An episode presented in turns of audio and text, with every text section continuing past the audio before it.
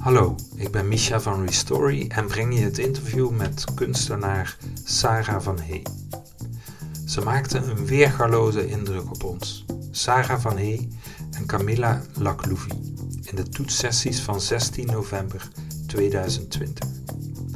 Camilla bracht er een lecture for everyone, een onwaarschijnlijk krachtige guerrilla speech waarmee tien Brusselse jongeren meetings wilden onderbreken.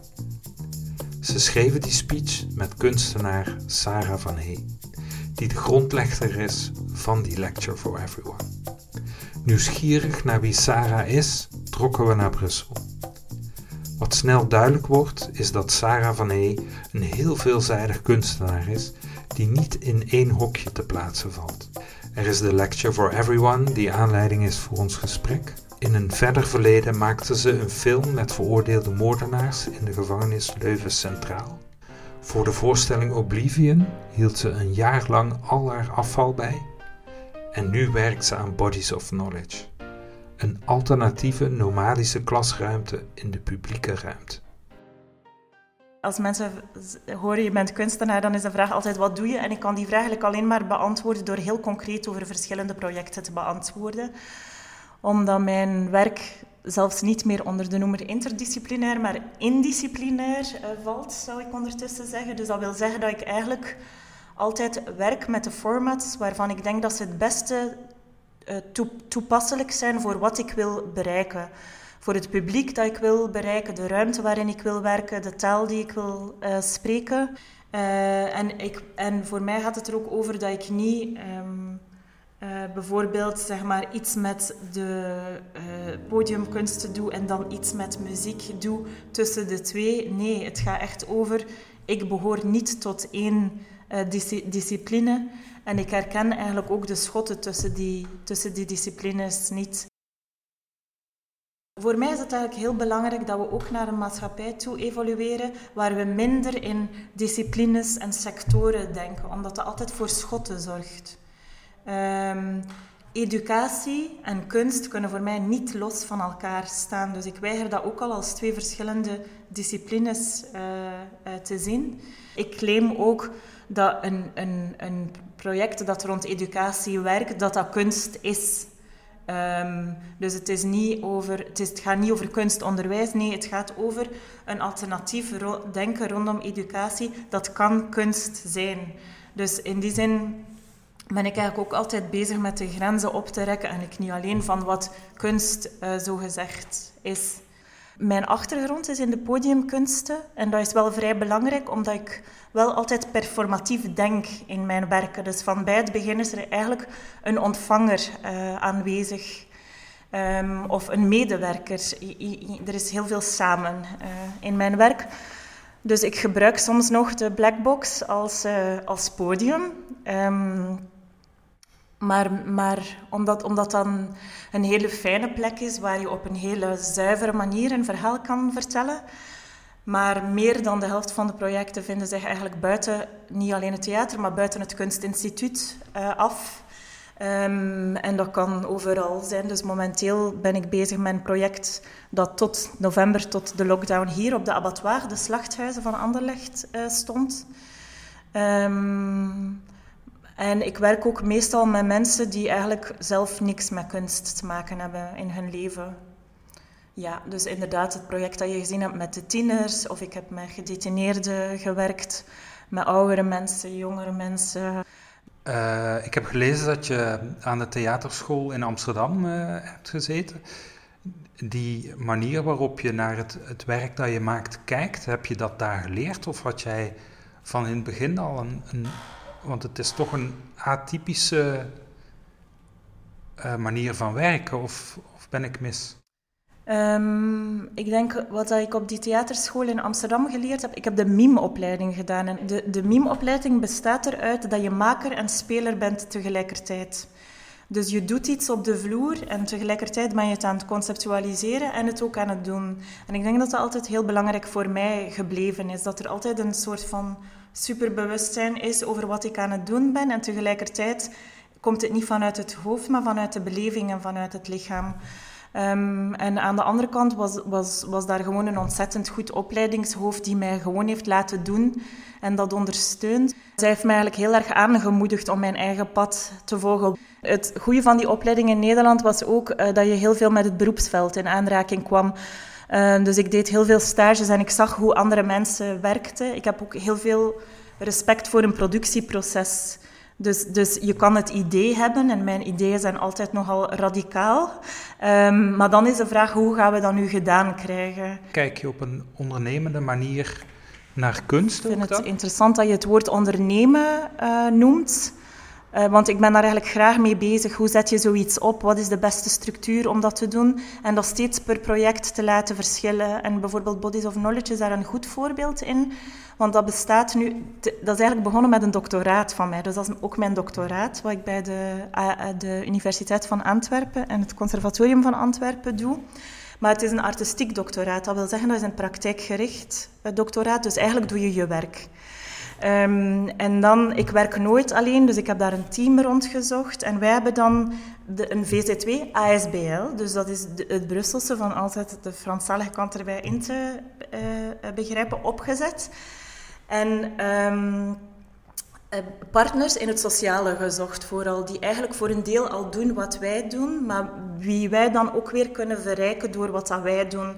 Dus dat zijn partners die um, met oudere mensen werken, met nieuwkomers, met mensen die een mentale fragiliteit uh, hebben, met jongeren.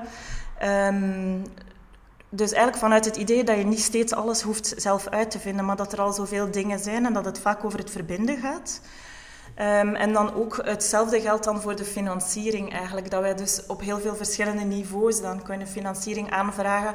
Omdat het zowel bijvoorbeeld de gemeente van Anderlecht is die ons nu steunt. Maar tegelijkertijd zijn wij ook aan voorbereidingen aan het maken in Gent. Om het vervolgens daar te doen, kregen wij steun van de kunstenhuizen daar. De, dus ja, ik vind die verbindende schalen heel belangrijk. Van het hele lokale naar het internationale tussen het educatieve, het sociale en het artistieke in. En dat je eigenlijk ook steeds je gezicht kunt veranderen naar gelang van de partij waar je mee uh, aan tafel zit. Ja. ja. dus in die zin vind ik het onder, onder... Ik hou niet van het woord... In Vlaanderen heeft dat een negatieve bijtoon, ondernemerschap. Maar eigenlijk is dat iets heel positiefs. Hè? Mhm. Dus het steeds opnieuw jezelf heruitvinden... Uh, en op een bepaalde manier structureren. In België zeker Brussel, meer de Franstalige kant, is dat precies iets dat altijd een, een, een, neoliberale kleur heeft. En dat hoeft het voor mij niet te hebben. Dus ik denk dat het belangrijk is om, om dat begrip ook te reappropriëren eigenlijk. En het te zien als iets wat dat binnen om het even welke ideologische strekking en waarde kan hebben. Ja. Dus ik kijk graag naar hoe dingen mensen aanpakken en ondernemen. Een ander woord dat me opviel, uh, dat je gebruikte, ik heb nogal radicale ideeën. Kun je daar iets over vertellen, jouw radicale ideeën? En, en ik, ik vroeg mij eigenlijk ook af, um, was je daar als kind ook al mee bezig? Hoe, hè, de, die vraag kwam, hoe, hoe word je kunstenaar? Ja. Uh, ik kom niet uit een familie van kunstenaars of ook niet uit een intellectuele familie of zo. Maar ik heb als kind altijd ontzettend veel gelezen. En mijn moeder werkte in de bibliotheek, dus ik kon altijd veel lezen. En voor mij was fictie evenwaardig aan de realiteit. En was de realiteit alleen één vorm van fictie. Dus ik denk dat, de, dat fictie altijd heel dicht bij mij was als een mogelijkheid. En ik heb nooit... Uh, ik, ik, ik denk niet zoveel in termen van beperking, maar meer in termen van mogelijkheden. En ik denk ook niet dat de fictie iets is dat naast de realiteit staat, maar dat er gewoon verschillende realiteiten binnen deze realiteit zijn en dat we die actief kunnen bewerken zodat die meer plek en meer zichtbaarheid uh, krijgen. Is dat ook iets uh, dat in je werk dan nu is doorgecijpeld en dat je mensen ook daarvan bewust wil maken, die het bestaan van verschillende realiteiten naast elkaar? E, ja, enerzijds dat, het bestaan van verschillende realiteiten na elkaar die niet hiërarchisch geordend zijn, maar ook uh, fictie als een emancipatorische tool eigenlijk. Ik denk dan bijvoorbeeld aan de film die ik gemaakt heb, The Making of Justice. Dat was een film die ik in Leuven Centraal gemaakt heb met zeven veroordeelde moordenaars. En eigenlijk wat, wat er in die film gebeurt is, uh, ik vraag aan hen om samen met mij het scenario voor een misdaadfilm te maken. En in die film zie je de creatie van dat script.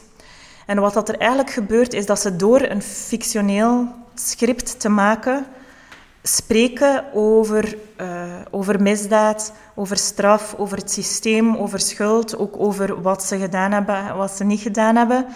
Maar doordat het via de fictie kan, vind ik dat ze voor een deel zichzelf overstijgen en niet steeds moeten samenvallen met die persoon die ze dan zijn binnen die bureaucratie van dat verschrikkelijke detentiesysteem, waar ze ook al vijftig keer hetzelfde verhaal hebben moeten vertellen, bijvoorbeeld. En, en dat is ook een tool dat ik vaak gebruik om eigenlijk via de fictie te spreken, zodat je voor een deel niet steeds moet samenvallen met de persoon die je in je dagelijks leven bent of zoals je gezien wordt. En ik denk dat vanuit die gedachte dat er soms wensen bij mij naar boven komen. Bijvoorbeeld een lecture for everyone.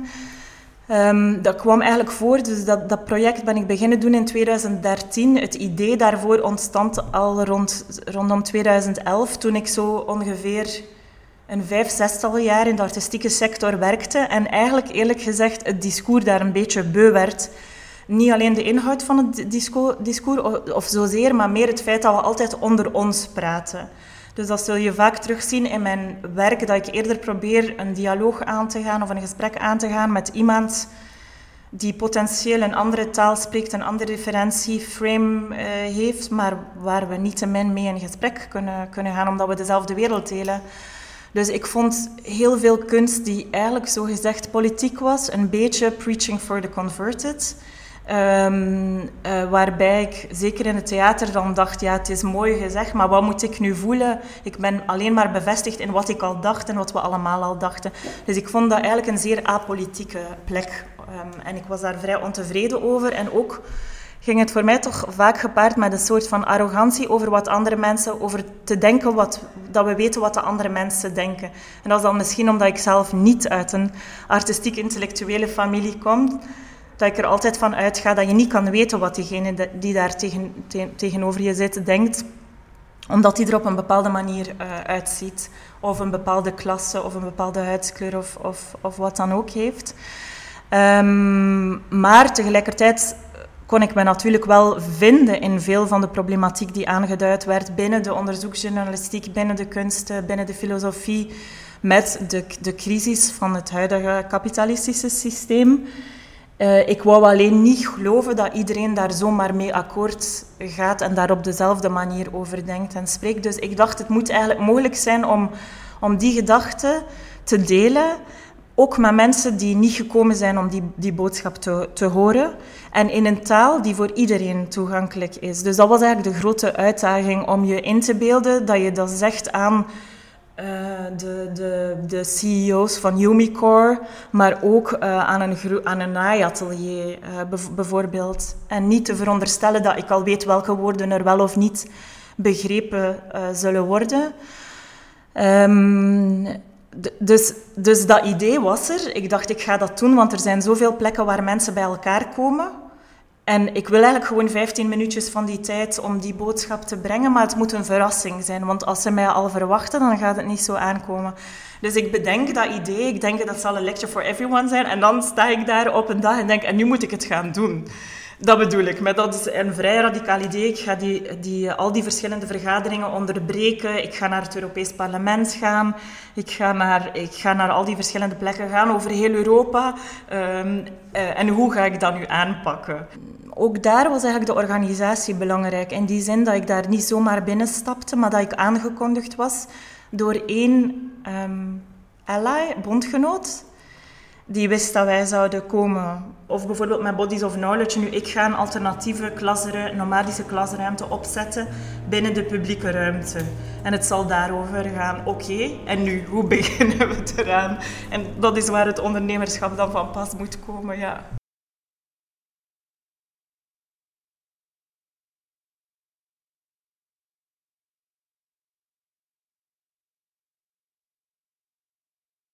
Wat ik met, met die lecture deed, niet alleen ik, ook soms andere performers, was dus eigenlijk eh, het moment van dat samen zijn, wat dat over het algemeen een vrij routineus, routineus moment was. Eh, binnen de week bijvoorbeeld een personeelsmeeting die elke dinsdag plaatsvindt, eh, die, die heel erg ehm, het dagelijkse bestaan in zijn routine uh, erkent, dat die meeting eigenlijk omgegooid wordt naar een, naar een plek waar die mensen niet binnen hun functie binnen dat bedrijf aangesproken worden, maar als actieve leden van een, van een burgermaatschappij.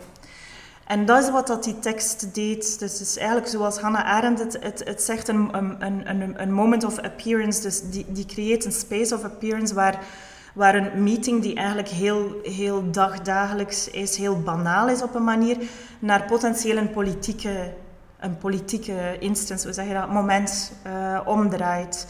Dus waarin mensen effectief uh, nogal... Um, uh, van de kaart gebracht waren, omdat ze plots, plots als mensen aangesproken worden in hun politieke en menselijke potentieel eigenlijk. Um, en wat er mij, mij, misschien nog het meest aan verbaasde, was... Want ik dacht, de ideeën zijn niet zo wild of zo origineel. Als je The Guardian leest elke dag, dan weet je wel waar het over gaat.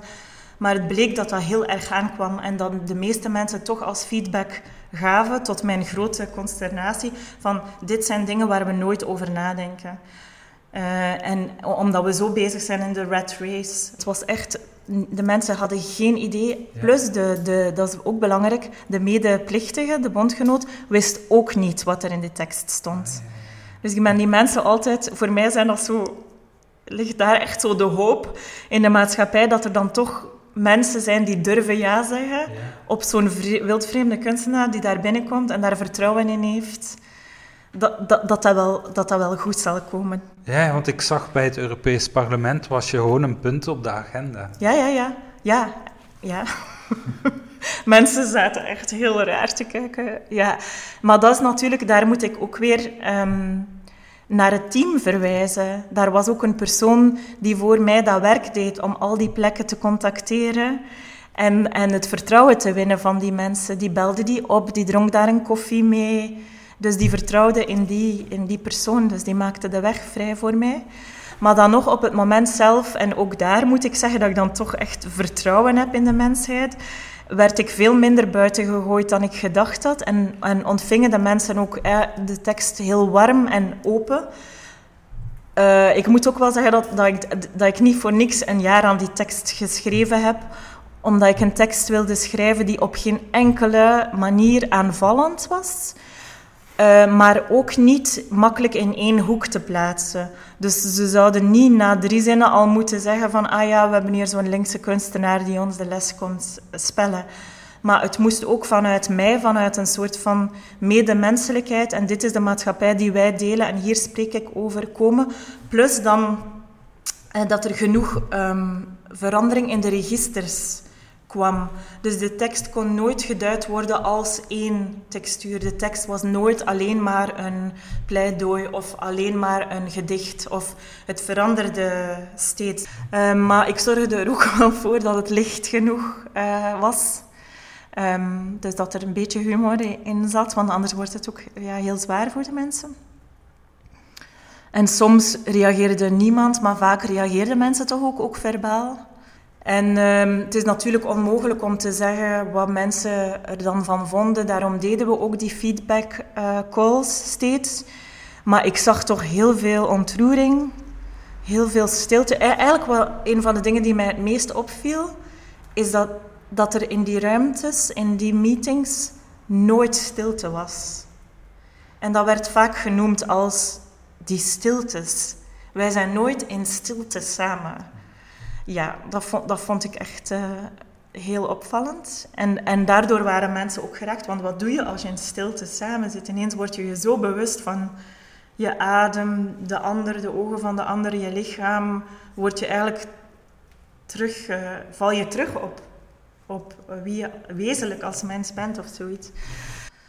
Um, ja, en wat, wat dat voor mij het mooiste was, dat heel vaak toen ik wegging de vergadering niet verder gegaan is zoals ze gepland was. Sarah van Hey speelde de Lecture for Everyone zeven jaar in veertien verschillende Europese landen.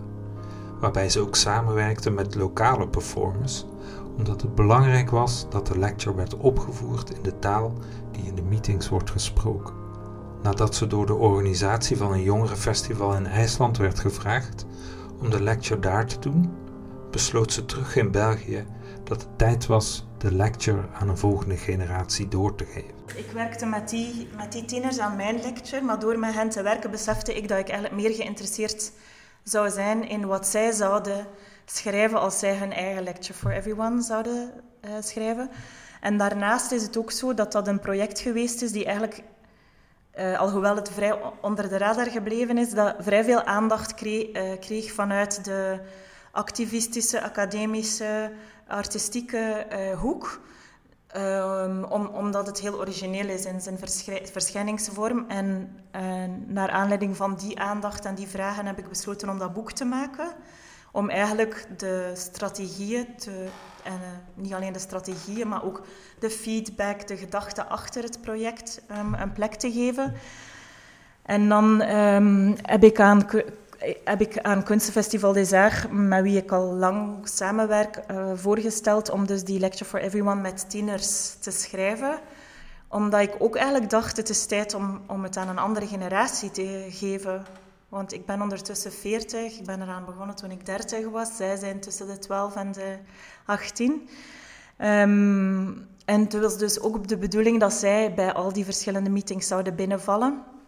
Maar het was al snel duidelijk dat dat niet zou gebeuren, omdat er geen meetings meer zijn. Waar je je ook vragen bij kunt stellen van wat dat, dat dan betekent. Maar, um, maar dus op een bepaald moment heb ik gezegd van ik wil wel dat die tekst naar buiten komt, want ik vind die tekst op zich ook heel veel waard. Dus dan heb ik gezegd, we maken er een film van. En kwam tegelijkertijd ook het idee om het dan voor die toetssessies te doen. Wat ik op zich ook heel speciaal vond, want ik heb zelf geen televisie, maar televisie is, is bijzonder in die zin dat het iets is dat vanuit een publiek medium komt, maar wel in, in de intieme sfeer van de huiskamer. Dus in die zin denk ik dat het wel nog steeds dat verrassingseffect had. Of ik heb ook gehoord van mensen die het dan ineens op een tv zeggen bij wie het net wel extra binnenkwam, omdat ze daar dan in een luie zetel zaten en niet op zoiets voorbereid waren. Je liet al een paar keer um, Bodies of Knowledge vallen. Uh, een nieuw project waar je aan werkt en hier in de buurt. Um, kun je nog iets vertellen over die achtergrond daarvan? Ja. Het idee? Ja. Um, ja, door mijn, door mijn werk ga ik mij dus ook verhouden tot uh, bepaalde uh, grote um, dominante instituten binnen onze maatschappij, zoals bijvoorbeeld de gevangenis, het rechtssysteem, uh, in dit geval educatie, het onderwijssysteem. en ik heb het altijd zeer frappant gevonden um, bij mezelf, maar dan als ik nu ook bijvoorbeeld, ik heb een kindje van, van bijna zes ondertussen, of als ik met die studenten, met die tieners werk, dat ik geloof dat uh, binnen ons onderwijssysteem dat de, de, dat onderwijs, zoals het nu geïnstitutionaliseerd is, bijna eerder ontmoedigend werkt en ook opnieuw disempowering. Uh, eerder dan dat het mensen aanzet om hun nieuwsgierigheid en hun dorst naar kennis uh, te, te, volgen. En ik zeg dat met heel veel respect voor alle goedbedoelende leerkrachten um, die zoveel mensen weten warm te maken voor kennis. Maar helaas, ik denk dat het, dat het systeem niet het juiste systeem voor deze tijd is. Zelf bijvoorbeeld, als kind ervoer ik eigenlijk altijd eerder dat ik dat, dat het willen weten, dat het kritisch denken, dat het een last was. Um, dus eigenlijk vrees ik dat een school, zoals die nu vandaag de dag in een mainstream maatschappij, er toch op gericht is om op een bepaalde manier te functioneren en op een bepaalde manier te, te denken, eerder dan vanuit je verlangen te leren, vanuit je idiosyncrasie, vanuit je originaliteit, vanuit alles wat wat verandering zou kunnen, kunnen brengen. Dus ik vind het onderwijs heel conservatief in die zin. Maar ik geloof wel heel erg in de innerlijke drang van de mensen, zeker als je naar kinderen kijkt, om te leren. En de capaciteit om heel veel en heel snel te, te leren. Um, dus ik ben eigenlijk uh, um, alternatieve manieren van pedagogie denken beginnen bestuderen. Heel vaak kijk ik daarvoor naar niet-witte denkers. Uh, naar mensen die zelf geen traditionele academische opleiding hebben, zoals ik zelf. Ik ben ook een dilettant in, in alles eigenlijk. Ehm, en bijvoorbeeld iemand die daar heel belangrijk uh, voor mij is, is Bell Hooks, de, de, de, de Black American edu, hoe zeg je dat? Onderwijsfilosofen of zoiets, uh, filosofen en activistische activis, activisten die het eigenlijk uh, die, die, die haar eigen ervaring bespreekt, het verschil tussen hoe ze als zwart meisje Ehm, onderwijs be, uh, ervaarde eerst binnen een zwarte school en dan naar een zogezegd betere witte school. En hoe ze daar gevoeld heeft dat ze eigenlijk verplicht werd om haar leven af te scheiden van wat ze wist, van wat ze moest leren. En ik denk dat dat een ervaring, ervaring is die heel veel van ons kennen, alsof de kennis het is, uh, iets is wat daar uh, is, wat je moet veroveren, wat jou moet controleren, wat jij moet controleren, wat niks te maken heeft met jou, met je leven, met je lichaam, met je familie. Um, dus dat de kennis eigenlijk gescheiden wordt van degene die kent en de context waar die, waar die uitkomt. En ik denk dat heel veel leed eigenlijk daar vandaan komt en, en ook voor moeilijkheden zorgt. Want er is vaak, denk ik, een heel logische weerstand daar, daartegen ook. Of, of bijvoorbeeld, je hebt de Indische filosoof Tagore die, die zegt... Uh, ik groeide op alsof ik in een wereld leefde waarin er geen bomen waren. Dus hij, hij, moest in een klaslokaal zitten over bomen leren, terwijl hij als kind niet mocht in die boom klimmen. Maar hoe leert een kind? Door in de boom te klimmen, niet door er op papier, op papier dan ook nog eens, van, van, te leren. Dus ik ben eigenlijk terug, ja, ik ben eigenlijk die, die tradities gaan bestuderen, die ook heel veel nadruk leggen op orale kennisoverleving. En uh, ik probeer eigenlijk in mijn werk sowieso altijd, um, in mijn werk niet alleen, maar ook de positie dat ik, dat ik heb, de privileges die ik zelf bijvoorbeeld als wit hoger opgeleid iemand heb, om uh, andere stemmen aan het woord te laten komen. Ik geloof niet dat mensen geen stem hebben. Ik geloof dat ze vaak niet gehoord worden. Dus per definitie denk ik dan we hoeven niet steeds naar dezelfde stemmen te, te, luisteren. Er zijn zoveel stemmen en ik geloof dat ieder, ieder mens dingen weet. Het probleem is dat dat vaak niet aanzien wordt als kennis en ook dat het vaak niet samenkomt met andere mensen, omdat we toch in een heel gesegregeerde maatschappij uh, leven ook. Dus ik wilde eigenlijk iedereen zien als een, een um, kennend lichaam, als een wetend lichaam, als een wetend iemand. En, um, en een platform creëren om die kennis door te geven die eigenlijk zou bijdragen tot een sociaal rechtvaardiger en, en ecologisch duurzamer uh, maatschappij ook. Um, en wij doen dat eigenlijk in de eerste plaats door mensen op straat aan te spreken. Dus, dus wij zijn hier in de buurt begonnen, in Anderlecht, waar de, waar de markt van de, van de slachthuizen is, waar um, ongelooflijk veel nationaliteiten door elkaar uh, leven mensen die net aangekomen zijn, mensen met papieren, zonder papieren, met een huis, zonder huis. Um, en we spreken die mensen eigenlijk op hun kennis aan. We hebben bijvoorbeeld iemand gehad die gesproken heeft van oh, hoe overleef je met weinig geld. Dus die, die mevrouw legde echt haar wekelijkse manier uit om om te gaan met het weinige geld dat ze had, wat dat voor iedereen interessant was. Dan was er een meisje van een jaar of dertien die sprak over hoe dat ze andere mensen hielp door raad te geven. Ook mensen die veel ouder waren dan zij. Enerzijds live, anderzijds uh, via social media. Dan waren er bijvoorbeeld twee mannen die komen spreken zijn over een, een, een Keniaanse verzetsleider, waar niemand hier ooit van gehoord had, maar die daar heel bekend uh, is. Dan veel mensen die over planten komen spreken, over genezing, voor het lichaam zorgen. Um, mensen die spreken over andere economie, andere ja, alternatieve economieën. Um, ook uh, ja, hoe, hoe je bijvoorbeeld van lege gebouwen gebruik kunt maken en die kunt claimen. Dus het zijn, ja, voilà, het zijn heel uiteenlopende um, onderwerpen, maar allemaal uh, onderwerpen die binnen een mainstream onderwijs nooit, nooit uh, aan bod zouden kunnen komen, maar die wel heel dankbaar zijn in het leven. Zo creëert Sarah van Hey, net als met de Lecture for Everyone, opnieuw een moment. In de lecture noemt ze dat a moment before en ze zegt we are before. We are before zegt eigenlijk, we zijn altijd ervoor. Wij kunnen nu beslissen om te zeggen, dit is een moment ervoor. We weten misschien niet waarvoor, uh, maar het kan anders worden hierna. Ja. En, en dat, je, dat je als mens de potentie hebt door die woorden te zeggen en daarin te geloven, om dat ook zo te, zo te ervaren. Ja, ik geloof dat. Dit was het interview met Sarah van Hey. Ik raad je zeker aan om ook nog naar het verhaal op restory.be te kijken. Voor foto's, de trailer van The Making of Justice, de film met de Lecture for Everyone door de Brusselse tieners en relevante links naar het werk van Sarah van Hey. Als je daar bent, kan je misschien ook gelijk een antwoord geven op onze vraag welke kennis jij zou delen als je door Sarah op straat wordt aangesproken en wordt uitgenodigd erover te vertellen in de tent van Bodies of Knowledge. Tot de volgende keer.